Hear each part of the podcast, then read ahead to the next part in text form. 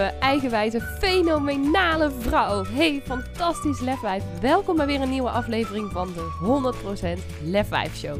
Mijn naam is Lisa van der Veken en in deze podcast deel ik vier keer per week magische meditaties, praktische tips en tools en inspirerende interviews met je om meer van jezelf te houden, meer kracht, vertrouwen en lef te tonen in jouw leven en 100% te gaan staan voor wie jij diep van binnen echt bent. Dus ben jij er klaar voor om je innerlijke lefwijf volop te laten stralen? Dan zeg ik: let's go! Hey lieve, mooie, krachtige, fenomenale vrouw. Jij bent zo ontzettend sterk, zoveel sterker dan je denkt. Jij bent sterker dan je denkt. Dit is het motto van Romy Vul, zoals aan het eind van dit interview ook aan jou zal vertellen. Maar bij deze alvast een kleine sneak peek. Want daarmee wil ik je ook alvast meteen een inkijkje geven in dit mooie interview wat ik met Romy heb gehad. Romy is onder meer bekend van haar eigen blog, Vaker Vrolijk. En daar gaan we het natuurlijk ook uitgebreid over hebben in dit interview. Ook hoe die blog is ontstaan en wat ze daar dan allemaal deelt. Maar vond het zo mooi dat Romy in dit interview zichzelf ook heel open en kwetsbaar heeft opgesteld. Door haar grootste lefdaad ooit te delen. Wat namelijk te maken heeft met de eetstoornis waar zij ongeveer tien jaar mee heeft gedeeld. En ik ga je vooral niet te veel hiervan weggeven, want ik wil heel erg Romy de kans geven ook om haar eigen verhaal hierin te delen. Het is een heel mooi, openhartig, kwetsbaar verhaal geworden, waarin ook heel erg de sterke kant van Romy naar voren is gekomen. En waarvan ik ook echt geloof dat, ongeacht of jij nu ook met een eetstoornis of met een ander obstakel in je leven te maken hebt of niet, of het nu juist heel erg goed gaat, maar dat er zoveel meer kracht in je zit dan dat je soms denkt op het moment dat je soms voor mogelijk kunt houden en dat dit verhaal ook een inspiratie voor jou mag zijn om te denken van wauw, maar zo zie je maar, soms weet je echt niet waar je allemaal kunt komen in jouw leven en dat het een verhaal mag zijn van van strength, van kracht, van geloven ook in jezelf. En ik wil je dan ook vooral gewoon lekker laten luisteren en ik wens je heel veel plezier, heel veel inspiratie ook tijdens dit interview met Romy Vul. Romy, van harte welkom bij de 100% Lef 5 Show. Superleuk dat ik jou vandaag ook mag interviewen. Ja, superleuk om er te zijn. En uh, nou, wij hebben elkaar natuurlijk al uh, een aantal keer, nou niet in het echt, maar in ieder geval wel via de mail uh, gesproken. Je hebt ook een programma Doorbreek je perfectionisme gevolgd, waar we wat contact over hebben gehad. Dat, nou ja, daar zullen we het vast ook nog over hebben. Maar ehm, ik vind jou super inspirerend, ook wat je doet met je blog, hoeveel mensen je daarmee ook inspireert. Maar er zijn wellicht ook mensen die jou nog niet kennen. En ik vroeg me af of je jouzelf aan hen ook zou willen voorstellen. Ja, tuurlijk. Ehm, ja, mijn naam is Romy dus. Uh, ik ben 28 en ik woon samen met mijn vriend Bart in Alsmeer. Uh, we hebben ook nog een kat, uh, Pippa. Die is er ook altijd gezellig bij. Um, en ja, ik doe dus eigenlijk twee dingen in mijn dagelijks leven. En die hebben allebei te maken met schrijven. Dat is echt mijn allergrootste passie. Um, het ene is dat ik een blog heb, dus vaker vrolijk. Um, en daarop schrijf ik over persoonlijke groei, positiviteit, uh, lifestyle, kleurrijk leven. Eigenlijk alles wat het leven een beetje mooier maakt. Um, en daarnaast heb ik nog een eigen bedrijf als tekstschrijver. En schrijf ik ook teksten voor ondernemers die eigenlijk ook op een bepaalde manier het leven van iemand mooier willen maken. Um, en voor hun schrijf ik onder andere blogartikelen, webteksten en e-books om uh, ja, die missie met een zo groot mogelijk publiek te kunnen delen.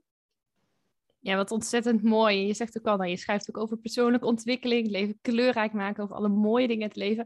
Alleen al de plaatjes en de manier waarop alle teksten ook geschreven zijn, zijn dan de moeite waard. Dus uh, ja, ook als je als luisteraar denkt, oh, wat is dat? Check dan ook zeker even de blog, vaker vrolijk. Um, en nou, ook daar zullen we het vast zo nog over hebben. Maar voor nu ga ik jou ook de vraag stellen die ik uh, iedere gast ook in deze podcast stel. En dat is, wat is jouw grootste lefdaad tot nu toe geweest? Ja, nee, ik vind dat echt een super mooie vraag. En ik luister zelf ook regelmatig je podcast, dus ik had er ook goed over nagedacht van, wat is dat nou eigenlijk? En ik kwam erop uit dat het voor mij eigenlijk maar één ding echt kan zijn.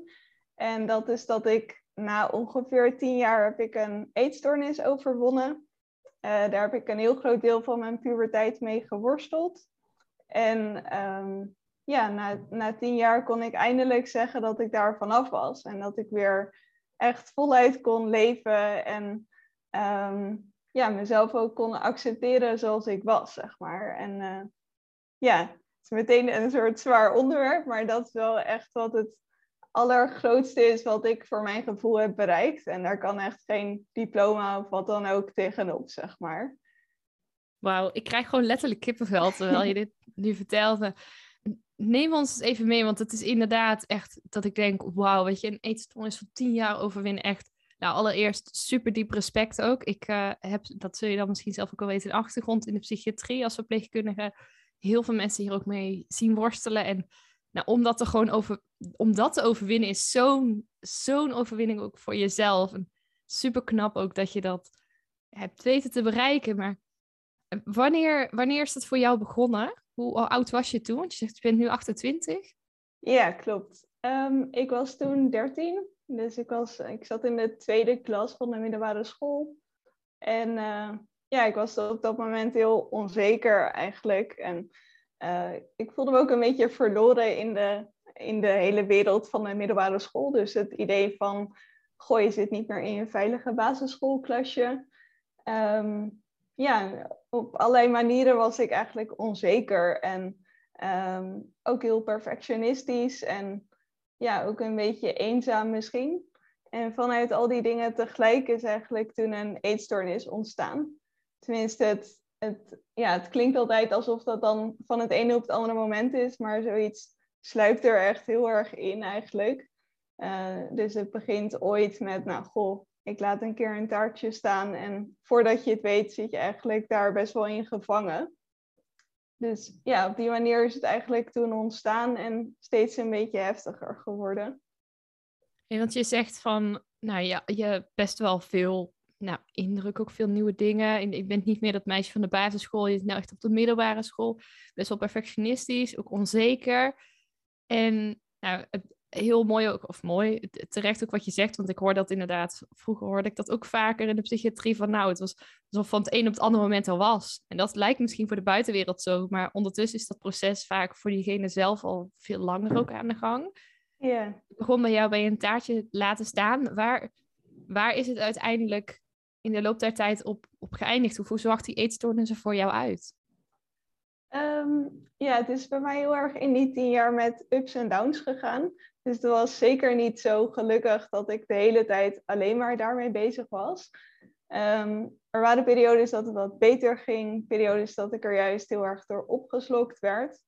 Um, maar eigenlijk echt vlak voordat ik ging herstellen was het op zijn heftigst. En ja, was ik gewoon compleet geobsedeerd eigenlijk door niet eten en bewegen. En ik weet nog dat um, ik moest dan van mezelf 2,5 uur fietsen op een dag. Gewoon rondjes fietsen. Holy shit. Ja, dat, uh, dat, ja. Ik wilde dat ook zelf niet op een bepaalde manier. Ik dacht ook steeds, ik wil gewoon leuke dingen doen. Maar het voelde van, nee, ik moet dit doen. Ik moet uh, ja, bewegen, een soort van wegvluchten voor dingen. En alsof er echt een soort stemmetje in je hoofd zit dat steeds zegt... Nou, wat je, wat je ook wil of wat je ook denkt, dit moet jij gaan doen. En uh, ja, op een gegeven moment overheerste dat stemmetje zo erg met niet eten en wel heel veel bewegen. Um, ja, dat, dat ik wel op een punt stond van, goh, je moet of nu opgenomen worden en stoppen met je studie. En ik studeerde op dat moment. Uh, of je moet nu echt iets gaan doen om er vanaf te komen. En uh, ja, uiteindelijk met pijn en moeite heb ik voor dat laatste gekozen. En daar ben ik achteraf echt super dankbaar voor. Want uh, ja, mijn leven is gelukkig nu zoveel beter en mooier dan toen. Op dat soort ja, dieptepunt. Ja, jeetje. En zeker ook kan ik me voorstellen als dat zo in de loop van tien jaar... Je zegt ook, dat ging met de ups en downs. Momenten dat het goed ging, momenten dat je echt helemaal erop geslokt werd. Maar dat het dan zo je leven ook gaat beheersen. Dat je zelfs, ook al wil je misschien iets heel anders gaan doen... Denkt van, nee, maar ik moet gaan fietsen. Gewoon tweeënhalf uur. Elke dag dus ook. Ja, klopt. Ja. En dan daarnaast dus ook nog vrijwel niet of heel weinig eten. Ja, klopt. Ja, dat uh, was gewoon een soort ja, angst of zo, ook om te eten, angst om aan te komen. Maar um, wat eigenlijk iedereen ook met een eetstoornis altijd zegt, en dat heb je misschien zelf ook ervaren dan in je werk, van uiteindelijk gaat het niet over het eten. Uh, er zijn ook mensen die bijvoorbeeld niet ondergewicht hebben, maar wel super erg worstelen met een relatie met eten. Um, het gaat eigenlijk vaak over onzekerheid of een soort um, ja, verlies van vastigheid of zo in je leven, waardoor je dat bijvoorbeeld in het eten zoekt. Dus eigenlijk vanuit al die redenen bleef ik er heel erg in plakken, omdat ik het gewoon heel, heel erg eng vond om iets los te laten waarvan ik dacht dat dat zo sterk bij mij hoorde. Terwijl eigenlijk het hoorde helemaal niet bij mij. Maar ja, zo voelde het na al die tijd. Ja, en ook wel heel mooi dat je dit ook zegt, want herken ik inderdaad. Het gaat vrijwel nooit over het eten. Het eetstoornis, het is een middel om, om om te gaan met wat er allemaal in je hoofd zit of in je hoofd speelt, als ik het zo kan verwoorden. Ja. En dan ben ik ook wel benieuwd, want je benoemde net ook al een stukje onzekerheid, perfectionisme, vasthouden aan iets. Maar wat was het voor jou dat jij dus zo vasthield aan dat weinig eten? Of wat maakte dat je de neiging had om dat te doen? En waarin, waarin hielp het je ook? Ehm, ik denk een soort van het, het aangaan van de wereld of zo. Ik voelde me altijd best wel een beetje wankel of zo. Ik had het idee dat ik, ehm, ja, dat ik misschien de grote boze wereld niet aankon. Ik was best wel een gevoelig meisje en uh, als mensen kritiek hadden, vat ik dat best wel snel persoonlijk op. Um, ik trok me ook dingen in het nieuws bijvoorbeeld best wel aan. Dus dingen over het klimaat of over oorlog, dat soort dingen. Daar kon ik echt heel erg door geraakt worden. En het is ook pas later dat ik ontdekte dat ik in dat opzicht wat hoogsensitief ben. Uh, dat wist ik toen nog niet. Um, maar ik denk vooral vanuit een soort angst van jeetje, wat gebeurt er allemaal in de wereld en kan ik daarmee omgaan? Dat ik vasthield aan die eetstoornis. Want daarmee hield ik mezelf klein en ik hoefde ook bepaalde gevechten niet aan te gaan. Want het enige gevecht dat ik had was het eten. Daar lag alle focus op. Waardoor heel veel andere soorten ja, gevechten die je misschien in je leven moet strijden, die waren op dat moment er niet voor mij. Zoals? um, ja, ik denk toch bijvoorbeeld kritiek accepteren van mensen of um, omgaan met teleurstellingen. Um, mensen die, uh, ja, ik weet, ik heb niet heel concrete voorbeelden, maar een beetje dat soort typische dingen waar iedereen mee te maken krijgt, waar ik ook nu mee te maken krijg. Um, ja, die dingen vond ik super eng eigenlijk. En, en het uh, hield je eigenlijk een beetje van je af door je volledig te focussen op dat eten. Ja, klopt. Ja, dat was een soort van ja, bubbel of zo waar ik zelf in verstopt kon zitten, waardoor al het andere niet meer binnenkwam. En hoe onveilig die situatie ook was, want het was op het eind echt heel ongezond. Het voelde wel heel erg veilig op een bepaalde manier. En ik denk dat ik daarom ook niet zo goed eruit durfde te kruipen, want ja, je weet niet wat er dan gaat gebeuren, je weet niet wat je allemaal moet aangaan. En dat vond ik zo eng allemaal. En is het dan, als ik het goed begrijp, je zegt ook het voelde veilig, is dat dan het stukje controle wat je daar blijkbaar dus zelf op hebt? Of wat maakte het dat het veilig voelde voor jou om die eetstoornis te hebben? Um, ja, ik denk inderdaad misschien een stukje controle of zo.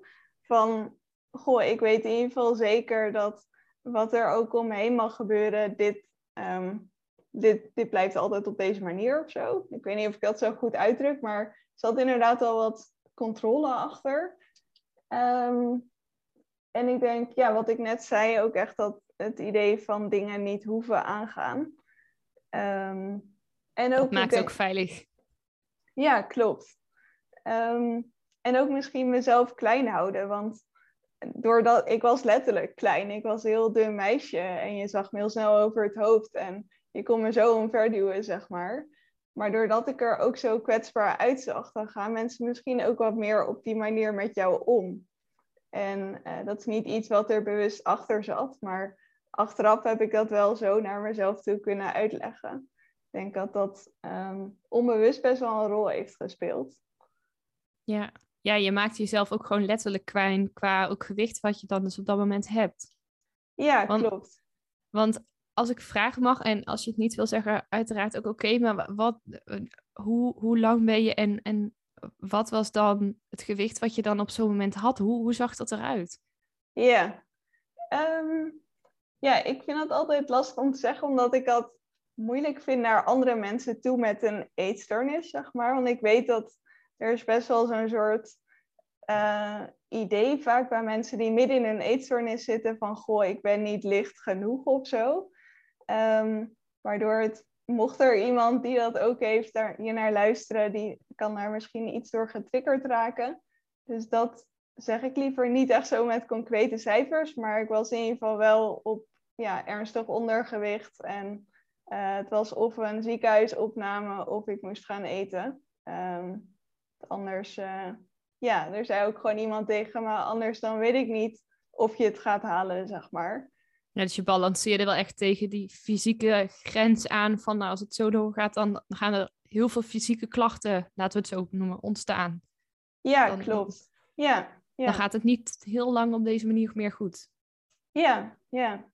Jeetje, en, en, en je zegt van dat heeft ongeveer tien jaar geduurd, dat proces dat je in ieder geval in die eetstoornis zat. Je benoemde al, nou op het eind was het eigenlijk ongeveer het ergst. Wat maakt dan dat juist op het moment dat je er zo in zit, dat jij de kracht in jezelf vindt om daar tegenin te gaan en om dat dus te overwinnen?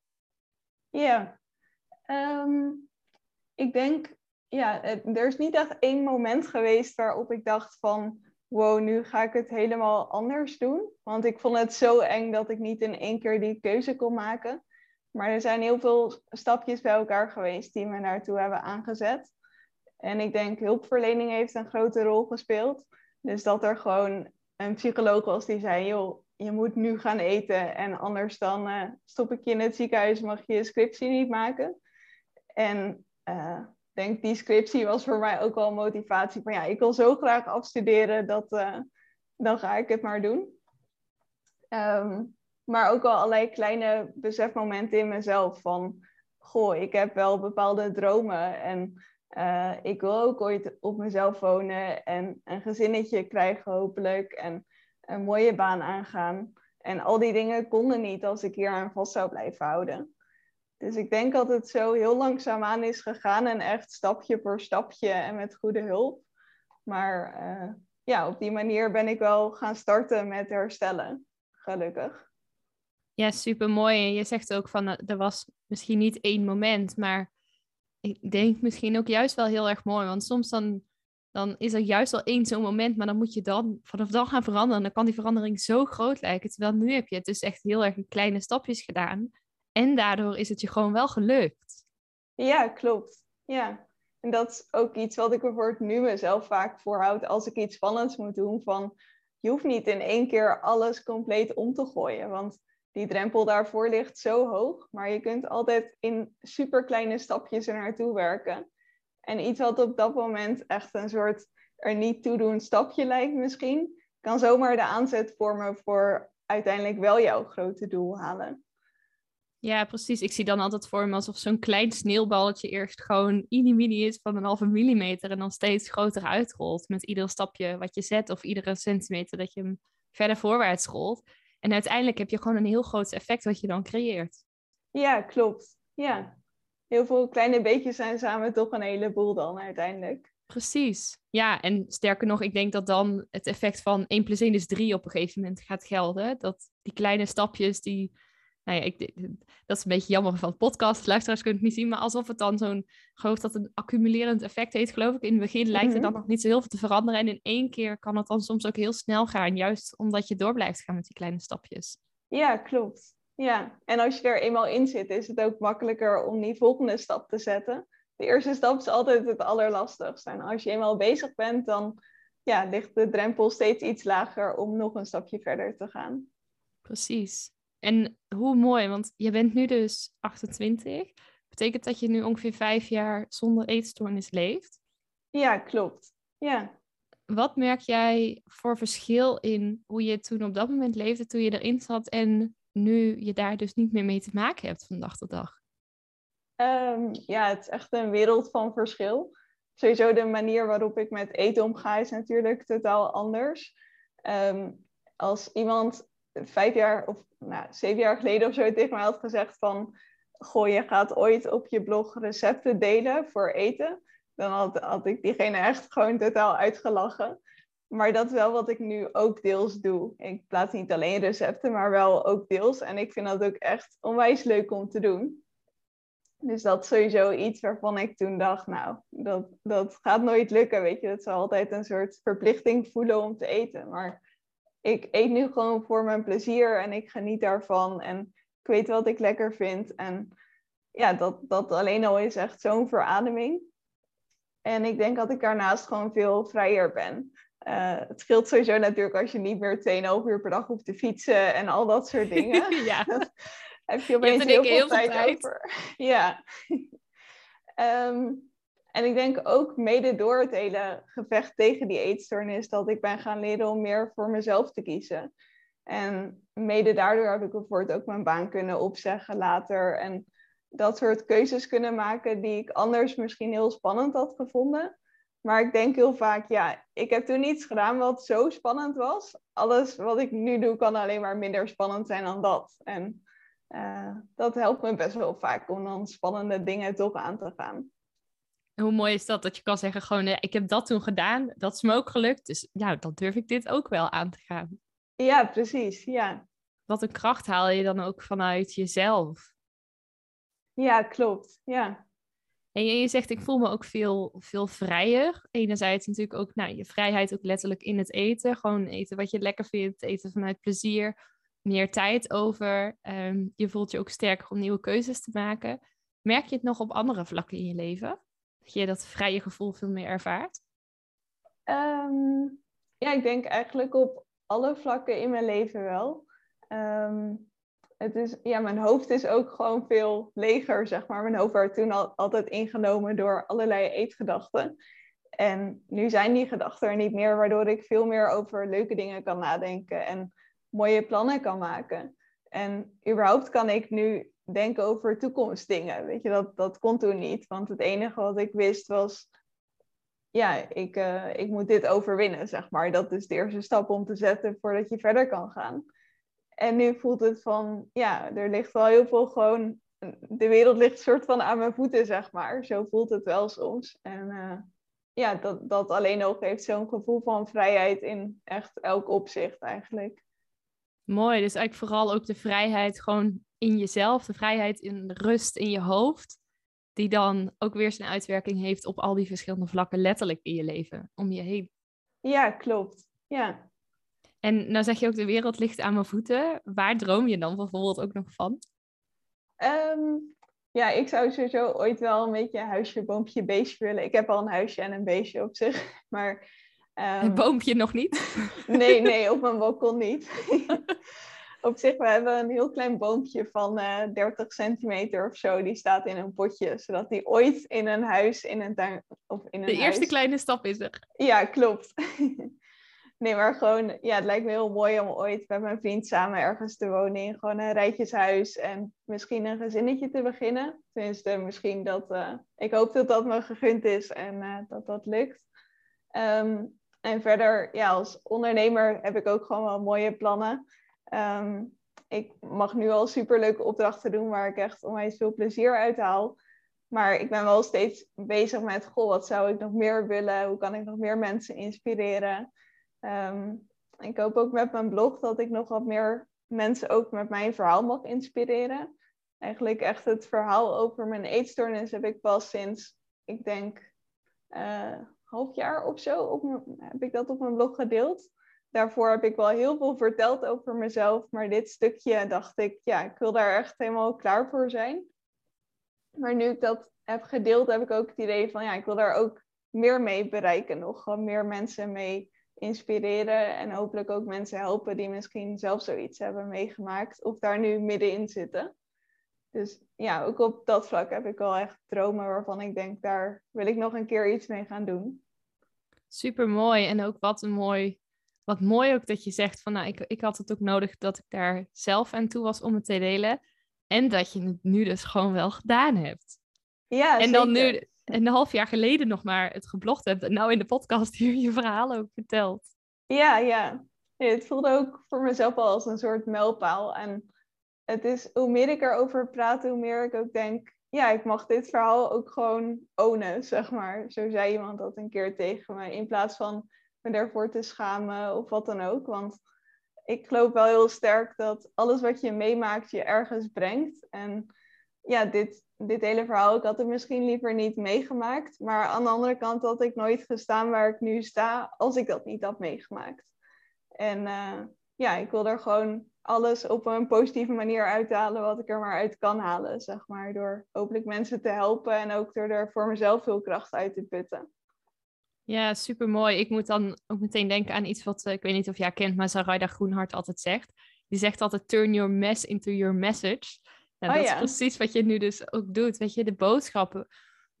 Ik weet zoveel vooral vrouwen, meisjes, die, die zitten vast in de eetstoornis en komen er voor hun gevoel ook haast niet uit. En het feit dat jij dit gewoon overwonnen hebt, hoe mooi is het als je dan een inspiratie ook kunt zijn voor anderen? Ja, precies. Ja, het voelt ook een beetje alsof dat een soort van missie is of zo, waarvoor ik hier ben soms. Weet je, van ja, laat het dan, als je dat hebt meegemaakt, laat het niet voor niets zijn. Uh, zorg ervoor dat je er toch nog iets moois uit kunt halen.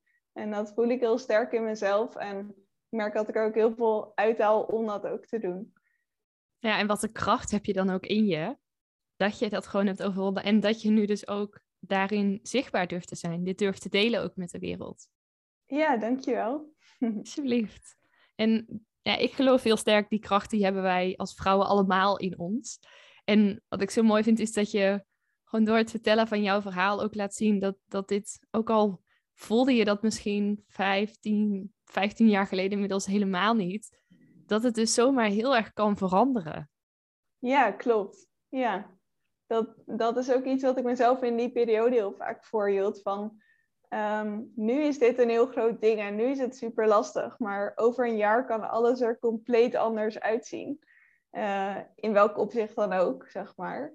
En ja, dat, dat is wel iets waar ik zelf heel veel kracht uit put en wat voor mij ook echt waar was. Want vanaf dat dieptepunt, als ik een jaar later keek, toen was ik, zat ik er al zo anders bij en was ik al zo'n ander mens. Ik was er nog niet, maar ja, de situatie was gewoon compleet anders. En Ehm, ik hoop heel erg dat ja, meer mensen die in een lastige situatie zitten of iets wat misschien uitzichtloos lijkt, dat ze ook denken van ja, dit hoeft niet voor altijd te zijn. Er kan altijd iets veranderen. Je moet alleen soms zelf daar een hele lastige eerste stap voor zetten.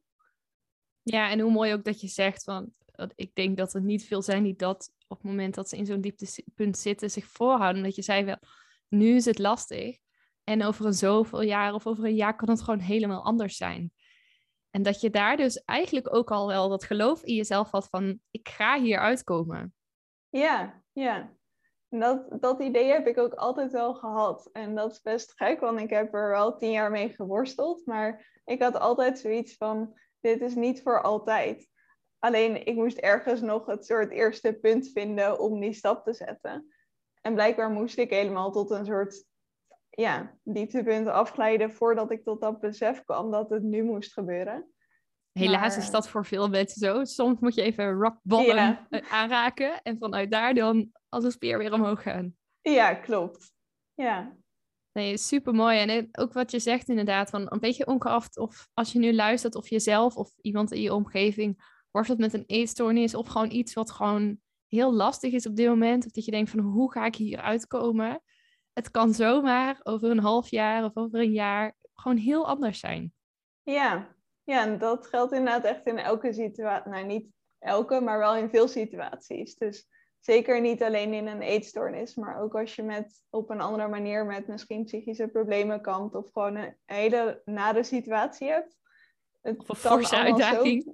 Ja, klopt. Het kan allemaal zo anders zijn. En de dingen die nu voelen alsof ze er super erg toe doen en Ehm, heel heftig zijn. Misschien dat je over een jaar denkt, jeetje, waar maakte ik me toen druk over? Ja, en hoe mooi zou dat zijn als je nu al dat plaatje voor ogen kunt houden van, oh, maar over een jaar vind ik dat mogelijk helemaal niet zo erg meer of niet zo spannend meer. Ja, klopt. Ja. ja.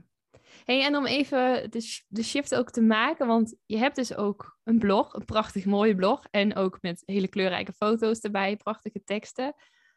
Ben je dat ook in deze periode gestart of wanneer is dat ontstaan?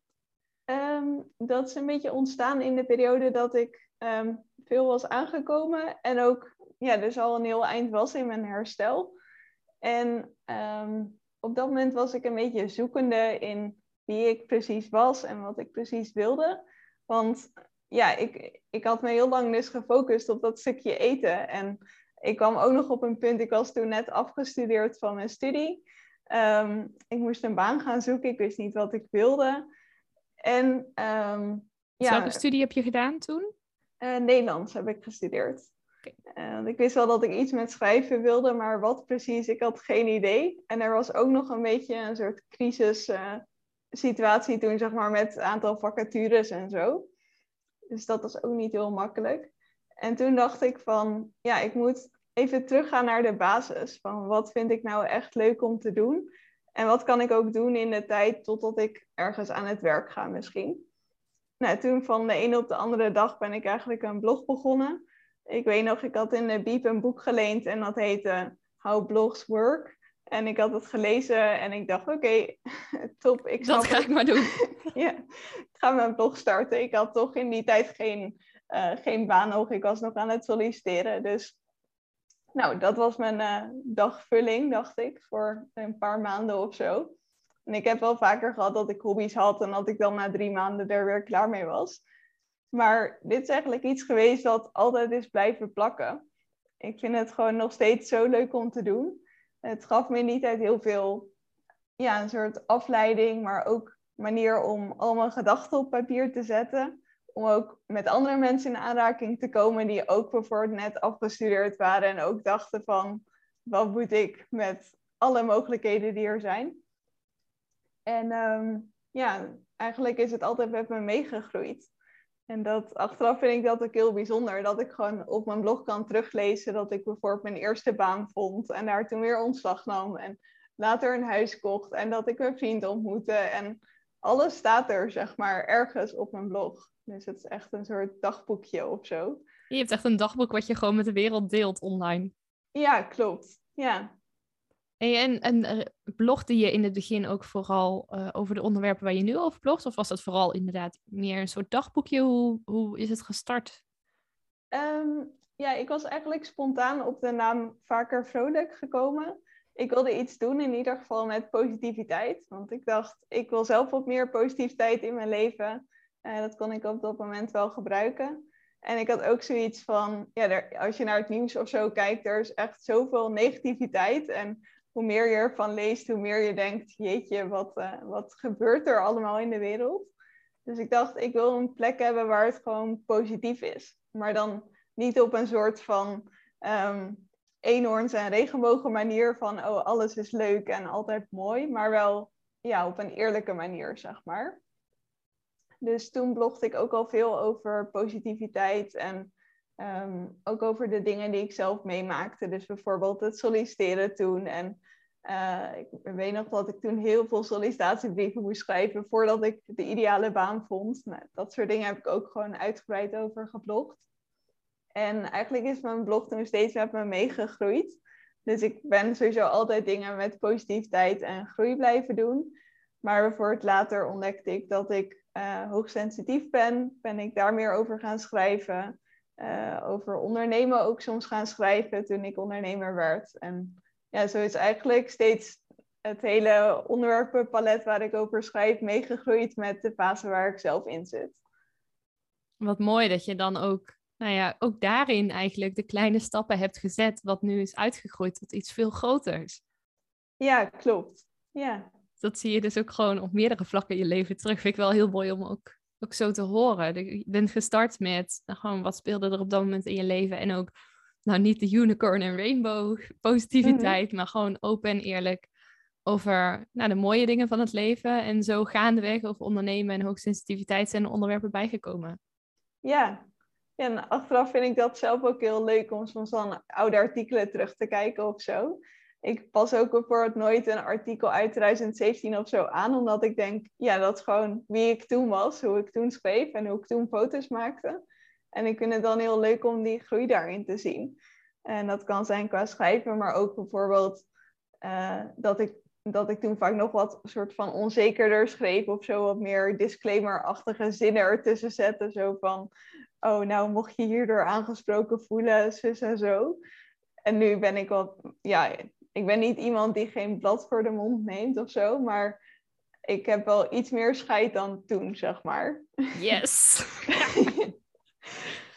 maar ook letterlijk dus, uh, want je zegt in die eetstoornis maakte je jezelf kleiner, maar in het begin van het bloggen maakte je jezelf dus ook nog een beetje klein door dat soort disclaimerzinnen erin te doen. En inmiddels durf je daar ook veel meer voor jezelf, je eigen mening dan dus ook te gaan staan. Ja, klopt. Ja. En ik heb ook wel eens dat ik, uh, ik krijg meestal wel reacties onder mijn blogs. En um, vaak zijn die heel positief, maar ik krijg ook wel eens reacties van mensen die dan ergens voor het anders over denken. En vroeger kon ik daar dan van denken van, oh nee, ik heb iets verkeerd gezegd of zo. En nu vind ik dat dan juist leuk om dan met mensen daarover in gesprek te gaan. En uh, heel soms krijg je een reactie waarvan je denkt, daar kan ik echt helemaal niks mee. En dan laat ik hem ook gewoon links liggen. Maar dat soort dingen doen we voor het ook niet meer zoveel als toen. Dus dat vind ik ook altijd wel speciaal om te merken dat je daar ook een beetje in kunt groeien. Een beetje? Ja, iets meer dan een beetje. nou ja, van je druk maken om kritiek naar eigenlijk dan dus met mensen in gesprek gaan. Dat is gewoon een, een hele andere houding natuurlijk. Ja, klopt. En daar kunnen vaak ook zulke mooie dingen uit voortkomen als je gewoon een gesprek aangaat. En Ehm, waar het ook over gaat, als je ergens over van mening verschilt, je hoeft niet meteen naar die ander toe te bewegen, maar je kunt ook gewoon zeggen waarom jij iets vindt en die ander vindt iets om een andere reden en dan met elkaar door een deur gaan terwijl je er anders over denkt. En, ja. Dan kan je begrip voor elkaar standpunt hebben. Ja, klopt. Ja.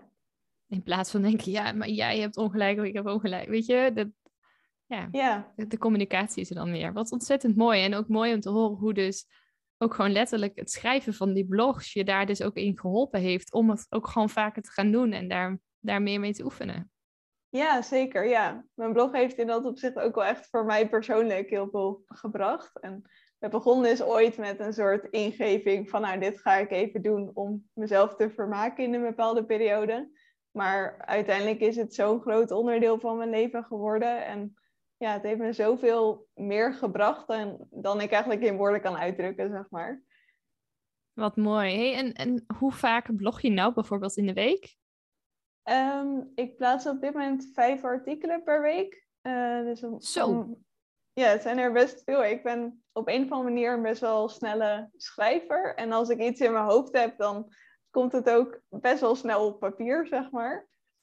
Ehm, dus meestal kijk ik een beetje wanneer ik inspiratie heb. Soms dan ehm, schrijf ik in één keer drie blogs of zo. Ik heb ook dagen dat ik denk, nou nu even niet. Dus uh, ja, zo verdeel ik het een beetje. Vijf blogs per week. Dat, uh, nou ja, aan de andere kant, ik maak ook vier podcasts per week. Maar dat, uh... Ja, dat, daarvoor zou ik dan weer denken, wauw, hoe doe je dat? Ja, maar wat ik al zei, eh, volgens mij heb ik dat niet aan het begin, uh, maar wel in ons kennismakingsgesprekje even over gehad. Jij bent heel sterk in schrijven, ik ben meer van het praten. Dus zo hebben we ieder ook ongeveer onze eigen kwaliteiten. Ja, precies. Ja. Hey, en ik vertelde net in het begin ook, uh, want jij hebt ook, zo hebben we elkaar eigenlijk ook een beetje leren kennen, mijn online programma gevolgd, wat ik verder eigenlijk helemaal niet meer aanbied. Um, doorbreek je perfectionisme. Um, ik was ook nog wel benieuwd, wil je daar nog eens iets over delen wat dat jou gebracht heeft? Ja, zeker. Nee, ik vond het sowieso echt een enorm toffe kans dat ik dat programma mocht volgen. Ehm, het is echt een super intensief programma van, even uit mijn hoofd, 14 weken. Um, en er zitten dus heel veel video's in, maar ook uh, opdrachten, een werkboek waar je mee aan de slag gaat. En dat vond ik zelf ook echt het toffe, dat je echt concreet aan de slag gaat en niet alleen passief naar filmpjes zit te kijken en dan denkt van oké, leuk, hier, dit schrijf ik op, hier doe ik een keer iets mee. Maar je wordt echt gedwongen om dingen uit te voeren. Ja, even als toelichting dan tussendoor. Dat komt ook, er zitten gewoon lekker filmpjes in waarbij een muziekje op een gegeven moment op de achtergrond komt. En dat je dan dus moet gaan schrijven. En ja, dan kun je niet door met het filmpje. Ja, ja, dat is echt super slim gedaan. En ook de, de meditaties of visualisaties die je erin hebt gedaan, waardoor je ook echt de tijd moet nemen voor dingen soms. In plaats van dat je even zo in twee minuten iets neerpent. Want dan, dan heeft het geen effect. Maar in jouw cursus word je echt gedwongen om daar gewoon de tijd voor te nemen. En dat heeft mij ook heel erg geholpen. En ik denk, wat het me concreet heeft gebracht, is vooral Ehm, heel veel fijne praktische tips eigenlijk om om te gaan met situaties waar je denkt van ik ben niet goed genoeg. Dus ehm, ik heb dat wel eens in bijvoorbeeld in privé situaties als ik dan heel erg moe ben of zo en ik denk ik heb nu echt even geen zin om naar iets of iemand toe te gaan, dat ik dan toch ja zei omdat ik dacht ja ehm, dat wordt een beetje van me verwacht of zo. En dan als gevolg was ik daarna compleet overprikkeld en moe en uh, had je niks meer aan me, zeg maar.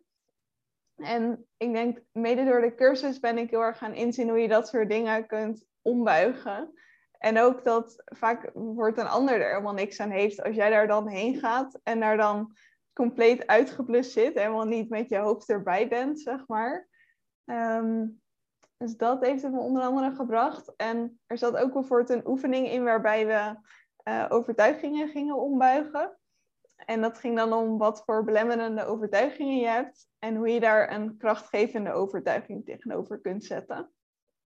Ehm, en even uit mijn hoofd, ik had iets met. Ehm, ik vind altijd dat alles wat ik doe ertoe moet doen. Tenminste, dat, dat was mijn belemmerende overtuiging. En daar had ik dan iets tegenover gezet van, goh, je mag soms ook rust pakken. Of je mag ook even stilstaan en terugkijken. En ja, dat zijn wel echt dingen geweest die best wel impact op mij hebben gehad in positieve zin, zeg maar. En dat zijn maar een paar kleine dingen, maar ik heb op mijn blog een heel uitgebreid artikel, echt een vrij, lange, vrij lang artikel is het geworden. ik wilde de cursus ook eerder aan doen. Ehm, maar daar leg ik eigenlijk alles in uit wat ik eraan heb gehad. In ieder geval de allerbelangrijkste lessen. Ehm, en daar staat ook dan nog een linkje in naar de cursus. Want die kun je dus, nou dat weet jij natuurlijk, maar voor de mensen die luisteren, uh, die kun je dus nog volgen, maar alleen via mijn blog. Dus als je op dat linkje klikt, dan uh, ja, kun je de cursus nog volgen. Ja, super tof ook om het op deze manier ook, want nou, ik wilde hem eigenlijk ook niet meer aanbieden, omdat ik dacht, nou, dat is uh, even nog voor de mensen die um, me pas sinds kort zijn gaan volgen. Nu staat natuurlijk helemaal de podcast ook en alles wat ik doe in het teken van dat stuk lefwijf. Hiervoor richt ik me vooral op perfectionisme. En daar was dat online programma ook voor. Alleen dat paste toen niet meer bij wie ik wilde zijn en waar ik voor wilde gaan. En dacht ik, nou, ik stop er helemaal mee. En um, vervolgens kwam Romy dus ook met nou ja, een mooi, heel mooi mailtje, ook met wat de cursus haar gebracht heeft. Toen dacht ik echt, oh, maar als het jou zoveel gebracht heeft, zo zonde als anderen hier niet meer van kunnen profiteren. Dus toen hebben wij afgesproken dat uh, de cursus exclusief nog en ook voor een veel lager bedrag dan ik hem destijds uh, aangeboden heb. Echt, nou, bijna een tiende volgens mij. Mm de cursus nu ook te koop is via jouw blog. Dus ik zal ook even een linkje zetten in de show notes met uh, het, het, artikel van je blog. Zodat mochten mensen denken van nou, ik wil hier meer over lezen, meer over weten. Um, dat ze dan ook uh, dat in de blog helemaal terug kunnen lezen en ook uh, de cursus terug kunnen vinden. Ja, super tof. En het zeker, zeker de moeite waard om hem te volgen. Ja, en voor jou ook ontzettend tof dat, je, nou, dat we deze samenwerking ook gewoon kunnen hebben. Want nou ja, ik dacht echt, ik stop ermee en ik doe er niks meer mee. En toen dacht ik, oh, mhm. nou, hoe mooi als op deze manier dat, uh, dat voor heel veel mensen toch nog zouden kunnen betekenen. Ja, zeker weten. Ja. Hey, nou hebben we al best een hele hoop besproken ook uh, in de podcast. En ik zou gerust nog uren naar je kunnen luisteren. Uh, maar ook om de luisteraars een beetje te beschermen in hun tijd. Um, Ben ik ook benieuwd, zijn er dingen waarvan je zegt, die hebben wij nog niet besproken, maar die zou ik wel ook nog aan de luisteraars mee willen geven? Um, ik denk, een van de belangrijkste dingen heb ik al best wel laten terugkomen, maar dat is van, ja, begin gewoon met een eerste stapje dus, als je in een moeilijke situatie zit. Ga niet meteen kijken naar waar je zou moeten staan en wat die hele enorme berg is die je moet beklimmen. Maar kijk gewoon waar je een soort eerste houvast kunt vinden om één heel subtiel stapje te zetten. Ehm, en ik denk een zin die voor mij, die ik best wel vaker uitvloep op mijn blog en op Instagram en waar dan ook, is ehm, je bent altijd sterker dan je denkt. En dat is iets wat ik zelf heb mogen ervaren. maar waarvan ik zeker weet dat het voor iedereen geldt. Dat ehm, als je voor een hele lastige uitdaging staat, het lijkt op dat moment misschien alsof je dat helemaal niet kunt. Maar je kunt altijd zoveel meer aan dan je ooit vermoedt. En ik denk onder andere deze coronasituatie heeft dat ook aan heel veel mensen laten zien. Maar ja, in het algemeen denk ik, je kunt gewoon zoveel meer aan dan je ooit uh, met je hoofd kunt voorstellen. Ja, helemaal mee eens ook. En je bent echt, echt, echt heel veel sterker dan je denkt. En moet je kijken ook met het verhaal wat jij net verteld hebt, hoe jij dat ook voor jezelf bewezen hebt. En hopelijk ook hoe andere luisteraars daar ook inspiratie en kracht uit kunnen halen. Dat ze denken, ja, als zij dat kan, kan ik het ook. En waar jij dan ook, tegenaan loopt als luisteraar, welke obstakel jij hebt in je leven, ook dat kan je overwinnen, want dat heb je in je. Ja, absoluut. Ja. En dan wil ik je vooral heel erg bedanken voor je, ook je, echt je openheid, je eerlijkheid, je kwetsbaarheid ook in deze podcast. Ja, dankjewel. Nee, heel mooi om te doen. En ik vond het echt een super mooi gesprek ook.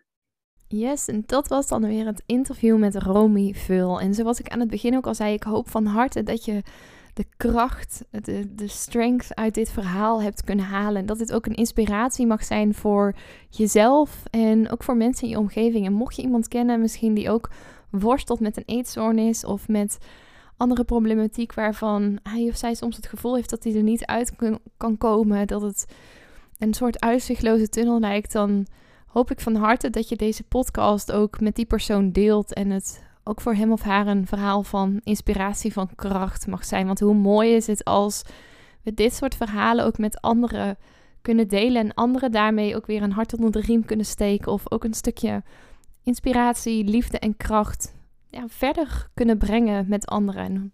En we de wereld daarmee ook allemaal samen een stukje mooier maken. Dus mocht je iemand kennen die hier baat bij zou kunnen hebben, alvast heel erg dankjewel ook voor het delen ook van deze aflevering. En mocht je voor jezelf ook sommige elementen herkennen in het verhaal van Romy, of ook dat stukje rondom onzekerheid en perfectionisme, ga dan ook zeker even naar de link in de show notes en lees ook eens Romy's blog over het online programma waar we het in het eind ook over hadden. Zoals ik ook al zei, dit programma is niet meer via mij ook te koop. Het is echt exclusief ook via de blog van Romy nog verkrijgbaar. Dus mocht je hier interesse in hebben, programma kost nu 297 euro als je het koopt via deze blog, inclusief BTW. Echt een schijntje voor uh, wat anderen er soms ooit voor betaald hebben. Dus mocht je daar interesse in hebben, kan ik het je ook van harte, van harte aanraden. En sowieso wil ik je ontzettend, ontzettend, ontzettend bedanken ook voor het luisteren weer van deze aflevering. Mocht het waardevol voor je zijn geweest, laat het ons weten. En voor nu wens ik je sowieso een super fijne en mooie dag toe. En heel graag tot een volgende podcast. Ja, dat was hem dan alweer. En ik ben echt razend benieuwd wat je uit deze aflevering hebt gehaald voor jezelf. En ik zou het dan ook super tof vinden als je even twee minuutjes van je tijd op zou willen offeren om een review achter te laten. Ga even naar iTunes, scroll helemaal beneden en laat daar je review achter. Dat zou ik echt enorm, enorm waarderen. Mocht je nou nog vragen hebben of denken van nou, ik wil hier heel graag mee aan de slag, maar ik heb geen idee hoe ik dit het beste kunt doen. Of wil je gewoon even delen wat je uit de podcast hebt gehaald? Stuur me even een berichtje of deel hem in je stories en tag me op Instagram. Je kunt me vinden via Lisa van der Veken. En ja, ik wil je natuurlijk ook echt van harte, van harte, van harte, van harte aanmoedigen om ook echt in actie te komen naar aanleiding van deze podcast. Want ja, luisteren is natuurlijk super inspirerend, maar je leven zal ook pas echt gaan veranderen op het moment dat jij stappen gaat zetten en in actie gaat komen. Dus hup, geef jezelf die schop onder de kont, doe wat jij nodig hebt en dan wens ik je een hele fijne dag en tot de volgende podcast.